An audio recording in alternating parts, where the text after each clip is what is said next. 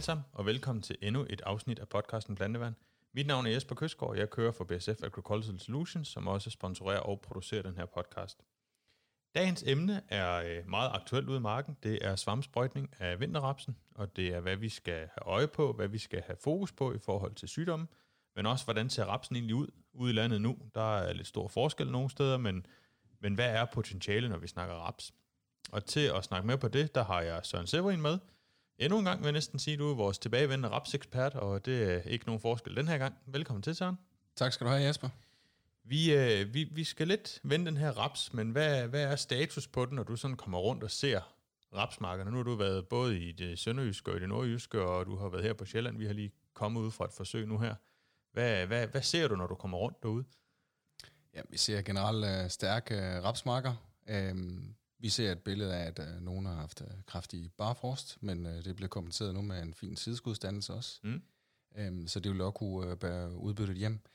Um, der hvor vi så også, når vi kigger på rapsmarker nu, så ser vi også ind i nogle ganske fornuftige rapspriser, der er omkring over 350 kroner per, per hektokilo. Så det vi ser på, det er ikke bare en rapsmark, vi ser en mark, eller marker, med et enormt højt potentiale til at, at give en rigtig god bundlinje. Ja, det er der ingen tvivl om, at, at øh, vi har jo både nogle planter derude nu, der kan bære et stort udbytte, men vi har også en, en rigtig god pris, og selvom det skulle være tørt fra nu og frem efter, så er potentialet ret stort i vores rapsmarker. Det er der vist ikke den store tvivl om. Når vi snakker svampesprøjtning i forhold til vinterrapsen, hvornår er det så det optimalt at køre sin svampesprøjtning, øh, når vi snakker blomstringssprøjtningen? Jamen, hvis vi, øh, hvis vi går en fire år tilbage, så har vi to betydende sygdomme i i rapsen generelt tilbagevendende hvert år. Og den ene af dem, det er knoldbærsvamp som den allerstørste og mm. vigtigste for vores område, og den næste, det er så skuldesvampen. Og derfor så har vi oftest jo lagt vores uh, svampesprøjtning der i stadie 65, og, og det er der, det primært har lagt. Ja. En nyere sygdom, som er, har været tilbagevendende over de øh, seneste 3-4 år, um, og også er stedet i angrebsgrad, det er den her lys bladplat. Um, og lys bladblat, den, uh, det er forholdsvis nyt for os, men uh, vi har jo enorm mængde erfaring fra Skotland og fra England. Og den starter jo op i det, i det kølige, fugtige område op i Skotland, har bare bevæget sig nedad i England, og nu har vi også fået den. Vi havde den også sidste år, endda også i Estland, man havde også i Sverige, og uh, man begynder også at rapportere omkring det i Polen og uh, også en del i Tyskland. Mm. Så det er en, en sygdom, vi skal være opmærksom på i hvert fald. Ja. De andre to sygdomme her, vi kender dem, vi ved, hvornår vi skal sætte ind. Det, vi skal være opmærksom på i år, det er det her lysbladplat. Ja. Og inden, inden vi lige springer over i den lyse bladplat, så kan jeg godt tænke mig at vende det her tidspunkt for, hvornår det er, vi skal svampsprøjte. Det er jo ikke, det er jo ikke tilfældigt, at det nu siger du stadie 65, og det er jo her, hvor vi har halvdelen af blomsterne sprunget ud på hovedskuddet. Og hvorfor er det lige det, det er der, vi ligesom har sagt, der er det optimalt at køre? Det er det bedste kompromis mellem uh, effekten på, på knoldbærsvamp, og så også at have noget effekt mod uh, skuldbærsvampen senere. Ja. Hvis vi lægger den for tidligt, så får vi en for lav effekt mod, mod, øh, mod skuldersvampen, og lægger vi den for sent, så får vi for dårlig beskyttende effekt mod knoldbærsvampen. Så det er der, hvor man har sat på en løsning, øh, og en behandling, der kører man i det her stadie. Altså frem man kører en, en splitbehandling, som faktisk også øh, de senere års forsøg har vist, at det er det, der giver det højeste brutto og netto mere bytte, så, øh, så vil man så køre lidt tidligere for at beskytte mod øh, knoldbærsvamp, og så trække den anden lidt senere til, når, når den effekt, man har, begynder at æbe ud, og så dermed også få en bedre beskyttelse mod, øh, mod skuldbærsvampen. Ja, og man kan sige, at knoldbærsvampen, det, det der er jo det vigtigste egentlig i forhold til time den rigtige, det er jo, at vi kører før, og egentlig næsten helst dagen før de første kronblade begynder at falde af. Ja. Øhm, kan, du, kan du prøve at beskrive, hvad der, er, der sker, når de her kronblade de lægger sig på, på planterne? Jamen, det danner sig sådan en lille, lille fugtigt uh, område, så, så de her sporer, der rammer, rammer bladet, de er nemmere ved at trænge ind i, i rapsen. Mm. Og det er tit ofte nede i de her bladfester, de sidder, og så er der noget fugtighed, der gør, at de kan, de kan penetrere planten på en måde. Ja. Um, og så give de her skader, som vi kender fra knoldbærsvamp, hvor ja, den lukker det... fuldstændig af for saftstrømmen for der, hvor den har angrebet. Ja, og så man kan sige, det, det aller nemmeste kendetegn for, om du har haft knoldbærsvamp, det er jo faktisk efter høst, at se, hvordan stænglerne ser ud indeni. Er der de her små muselort indeni, jamen, så har vi haft den her knoldbærsvamp. Og den har jo en lidt, synes jeg, sjov cyklus, fordi det er jo egentlig, infektionen sker jo egentlig før kronbladene falder. Det gør det jo ved, at de her små muselorte, de bliver til små svampe. Og, og det er jo fra tidligere års rapstyrkning, kan man sige, at de ligger i jorden, og bliver til bitte små svampe, som kan være svære at finde, men når de kommer her i maj måned, så spreder de nogle sporer, som så lægger sig på planten, og så kommer det her gule kronblad ovenpå og laver det her drivhus, der gør, at, at sporene kan udvikle sig. Så det er, jo, det er jo også derfor, vi snakker sædskifte ind i, når vi tænker knoldbærsvamp. Det er jo ikke kun en svampesygdom, det er jo, eller en, en svamp, vi skal bekæmpe kemisk. Det er jo også noget, vi skal tænke ind i forhold til, til at, at have et sædskifte, hvor der er langt imellem, altså mere end 3-4 år imellem de her rapsmarker, for ikke at få for mange af de her sklerotier i jorden. Øh, og det var sådan lidt længere forklaring på, hvad det egentlig er, der sker, men det er jo derfor, vi, vi skal være opmærksom på de her gule kronblade og køre før. Øh, tidligere har vi jo snakket om fuld blomst, øh, at det var det, vi skulle køre, og det har vi jo så fundet ud af det for sent. Så, så vi skal egentlig køre, før marken er helt gul, og det, det tror jeg egentlig, der er mange, der ikke har vendt sig til endnu, at det egentlig er der, det er optimalt at køre. Man kan sige, for mange andre sygdomme, om det er kartoffelskæmle, eller det er septorer i ved, så har vi rigtig gode varslingssystemer for det. Vi kender dens biologi rigtig godt. Ja. Vi kender også knoldbærsvampens biologi ret godt, men de varslingssystemer, vi har forsøgt at implementere øh, og teste, de er, har ikke vist sig at være sikre nok. Så, så det er en ren og skær forsikringssprøjtning, men vi ved, at når skaden sker, så er den sket, og så er det et kraftigt udbyttetab til følge. Ja. Øhm, og det er sådan set uanset også om rapsen den koster 280 kroner, eller den koster på nuværende her de her 350 til 360 kroner. Men der er jo ingen tvivl om, at det kan betale sig at gøre noget mere nu, ja. end det måske kunne for en 4-5 år siden. Altså, der er jo ingen tvivl om, at den her rapspris gør, at vi skal tænke over, hvad det er, vi gør, og så få mest muligt ud af det. Ja. Og Søren, med de her, de her højere udbytte potentialer, nu tænker jeg ikke kun på udbyttet i marken, men også de her priser, der er. Ja. Skal vi så tænke en, eller skal vi tænke to sprøjtninger? Hvornår er det, vi begynder at se det her skæld mellem, hvad er det, vi skal gøre? Øh, en eller to sprøjtninger? Jamen, effekten af en, af en behandling mod knoldbærsvamp, den øh, holder sig cirka de her 14 dage med god effekt, og så æbber den ud den sidste, den sidste uge. Um, så, så hvis vi fortsætter med de her kølige forhold, også under blomstring, så får vi jo begriveligvis en, en, uh, en uh, langstrakt blomstring, som så gør, at du med fordel kan lave en splitbehandling, mm. hvor du så har dækket din raps i en i længere periode ja. ud angreb. Og hvordan skal man, øh, hvordan skal man tænke, tænke vandmængder og, og hvad kan man sige, beskyttelse? Er det, er det kronbladene, vi beskytter, eller er det stænglerne, vi beskytter? Hvad er det, hvordan vil du sætte det ind? Hvad er det, vi skal gøre rent praktisk i forhold til en svampbekæmpelse? Ja, vi skal jo anvende en teknik, der sådan set øh, beskytter hele planten, altså rammer hele planten, fordi ja. de, den kan ramme alle bladfæsterne. De kan jo sidde tæt nede ved jorden, og de kan sidde langt op og ude i forgreninger osv. Så, videre. Så det gælder om at have hele planten beskyttet ja, bedst så, muligt. Så det er, ikke, det er ikke som sådan de gule blomster, vi kører efter. Det Nej. er egentlig selve planten, vi skal ned og ramme. Ja.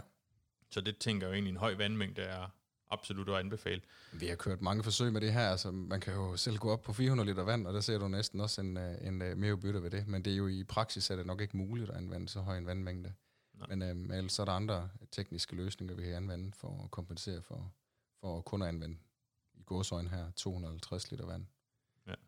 Og hvordan ser du nu med sin, lige nu er det, er det forholdsvis køligt og, i vejret, og, og rapsen gror, men det går langsomt. Hvordan, øh, hvordan, hvis du tør spå om det, tænker du blomstringslængden bliver i år? Bliver den længere, eller bliver den kortere, eller hvad, hvad er dit bud lige nu?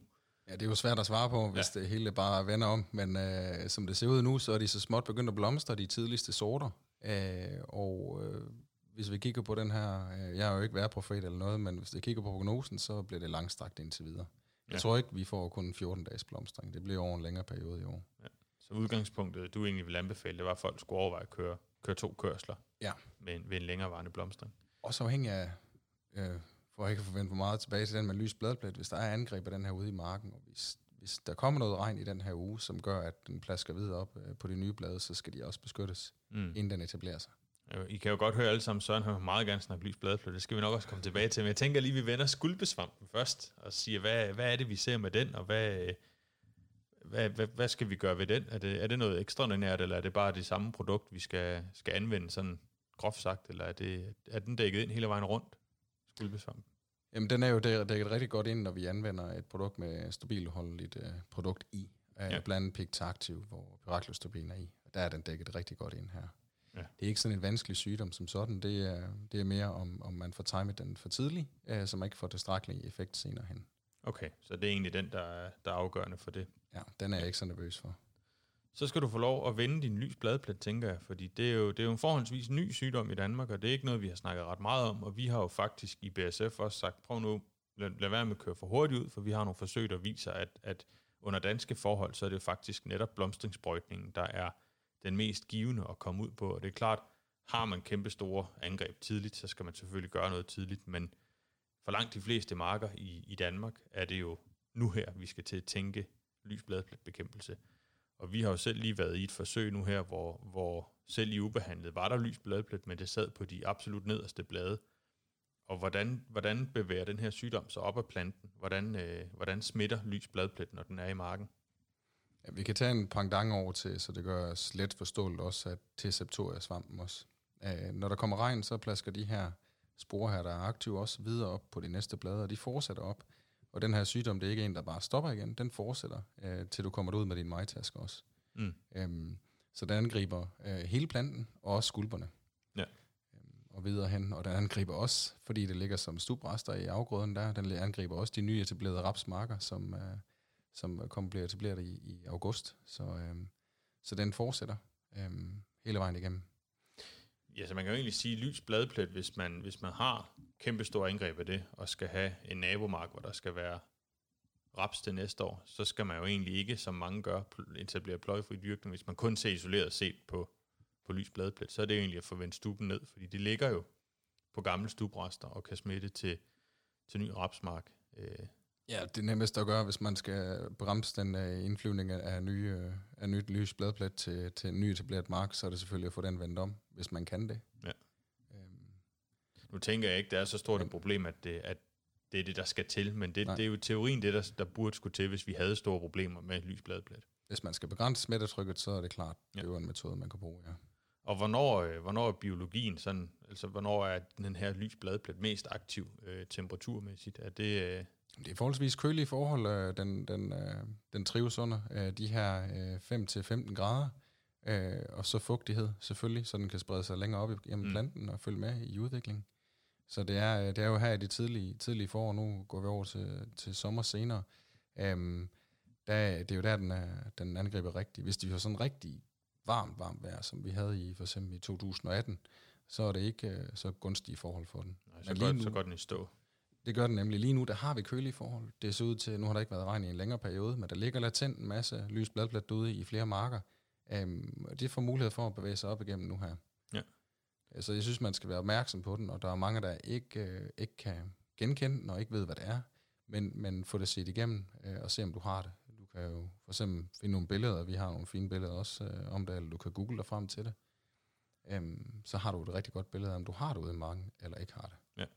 Og man kan jo lidt beskrive det som, som en, en, en let mug, der ligger på et brød-agtigt, den her lidt lette, lysfarvede, øh, hvad kan man kalde det, sne, der ligger oven på bladene. Det er jo lidt den, du kan kende den på. Ja. Hvad så dem, der har observeret det tidligt og har været ude og køre med noget tidligere mod lys bladplet? Er de home safe fra nu af, eller øh, hvad tænker du med, med de situationer? Jamen, det vi kender om uh, til lys bladplet fra England er, at, at man, er, man er slet ikke home safe her. Man, uh, man hvis vi tager bare fra England af, så kører de jo både sent, sent efter og lige før vinter. De kører igen i tidligt forår, og så en mellemsprøjtning igen, og så følger det op i blomstring. Mm. Det er en, en sygdom, der for dem kan koste op til halvanden tons per hektar. Ja.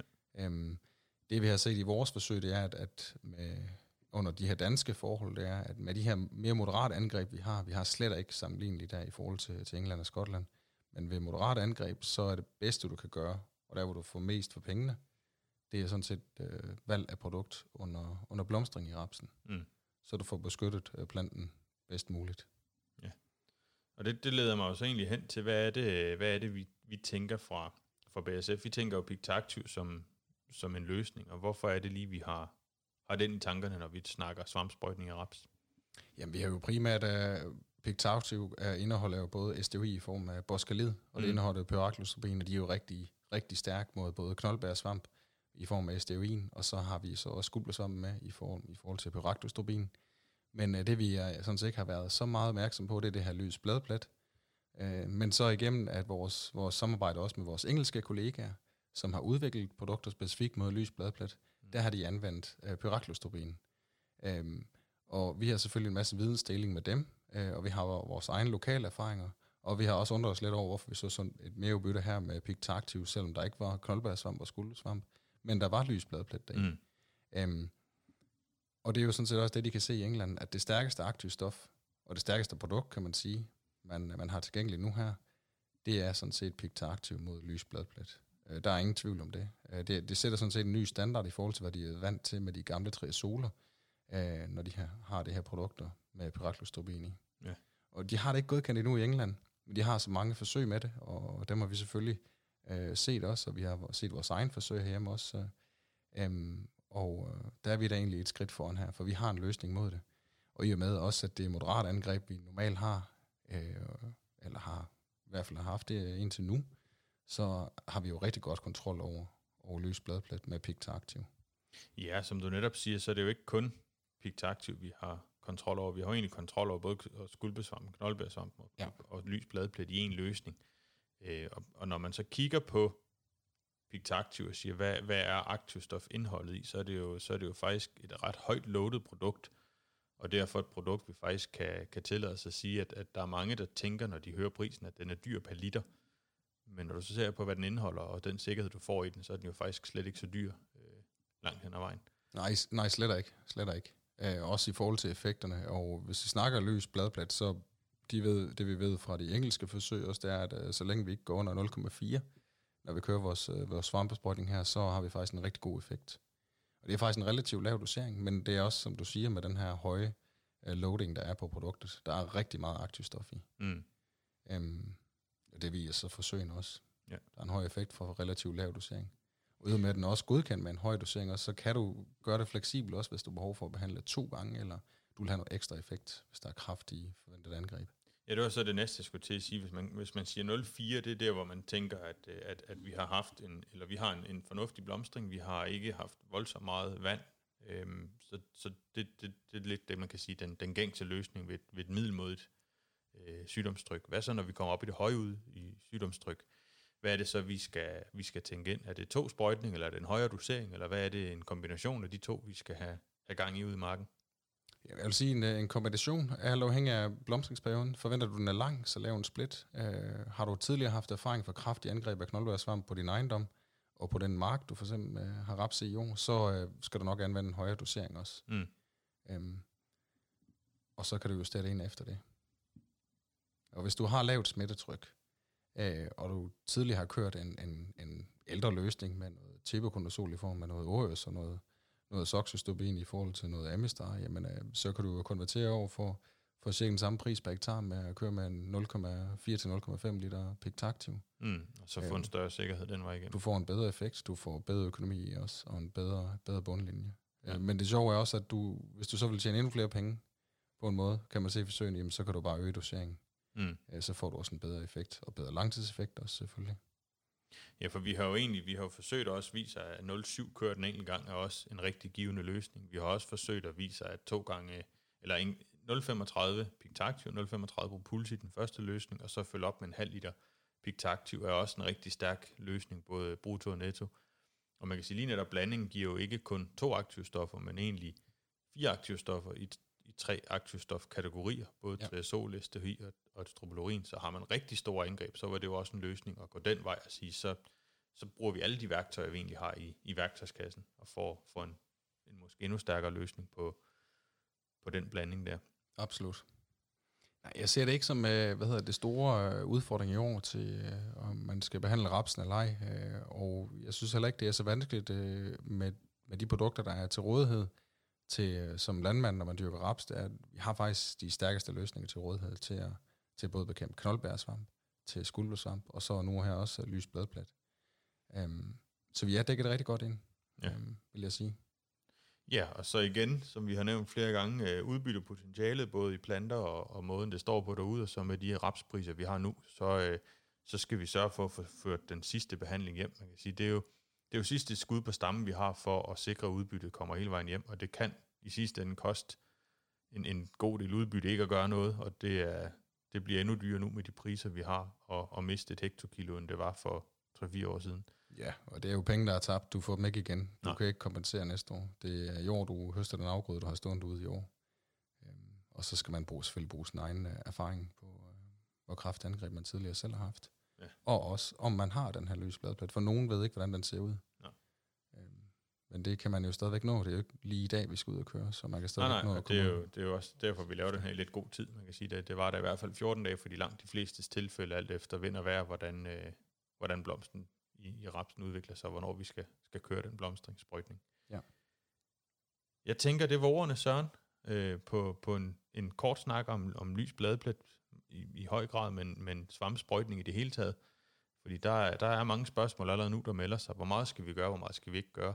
Og jeg synes egentlig, vi har været godt rundt omkring det hele.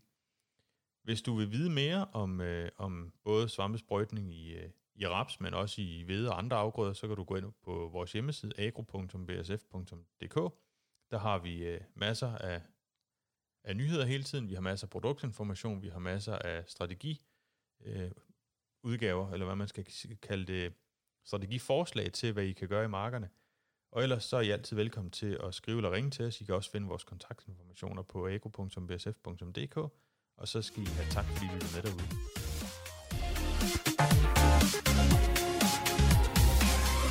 BASF. We create chemistry.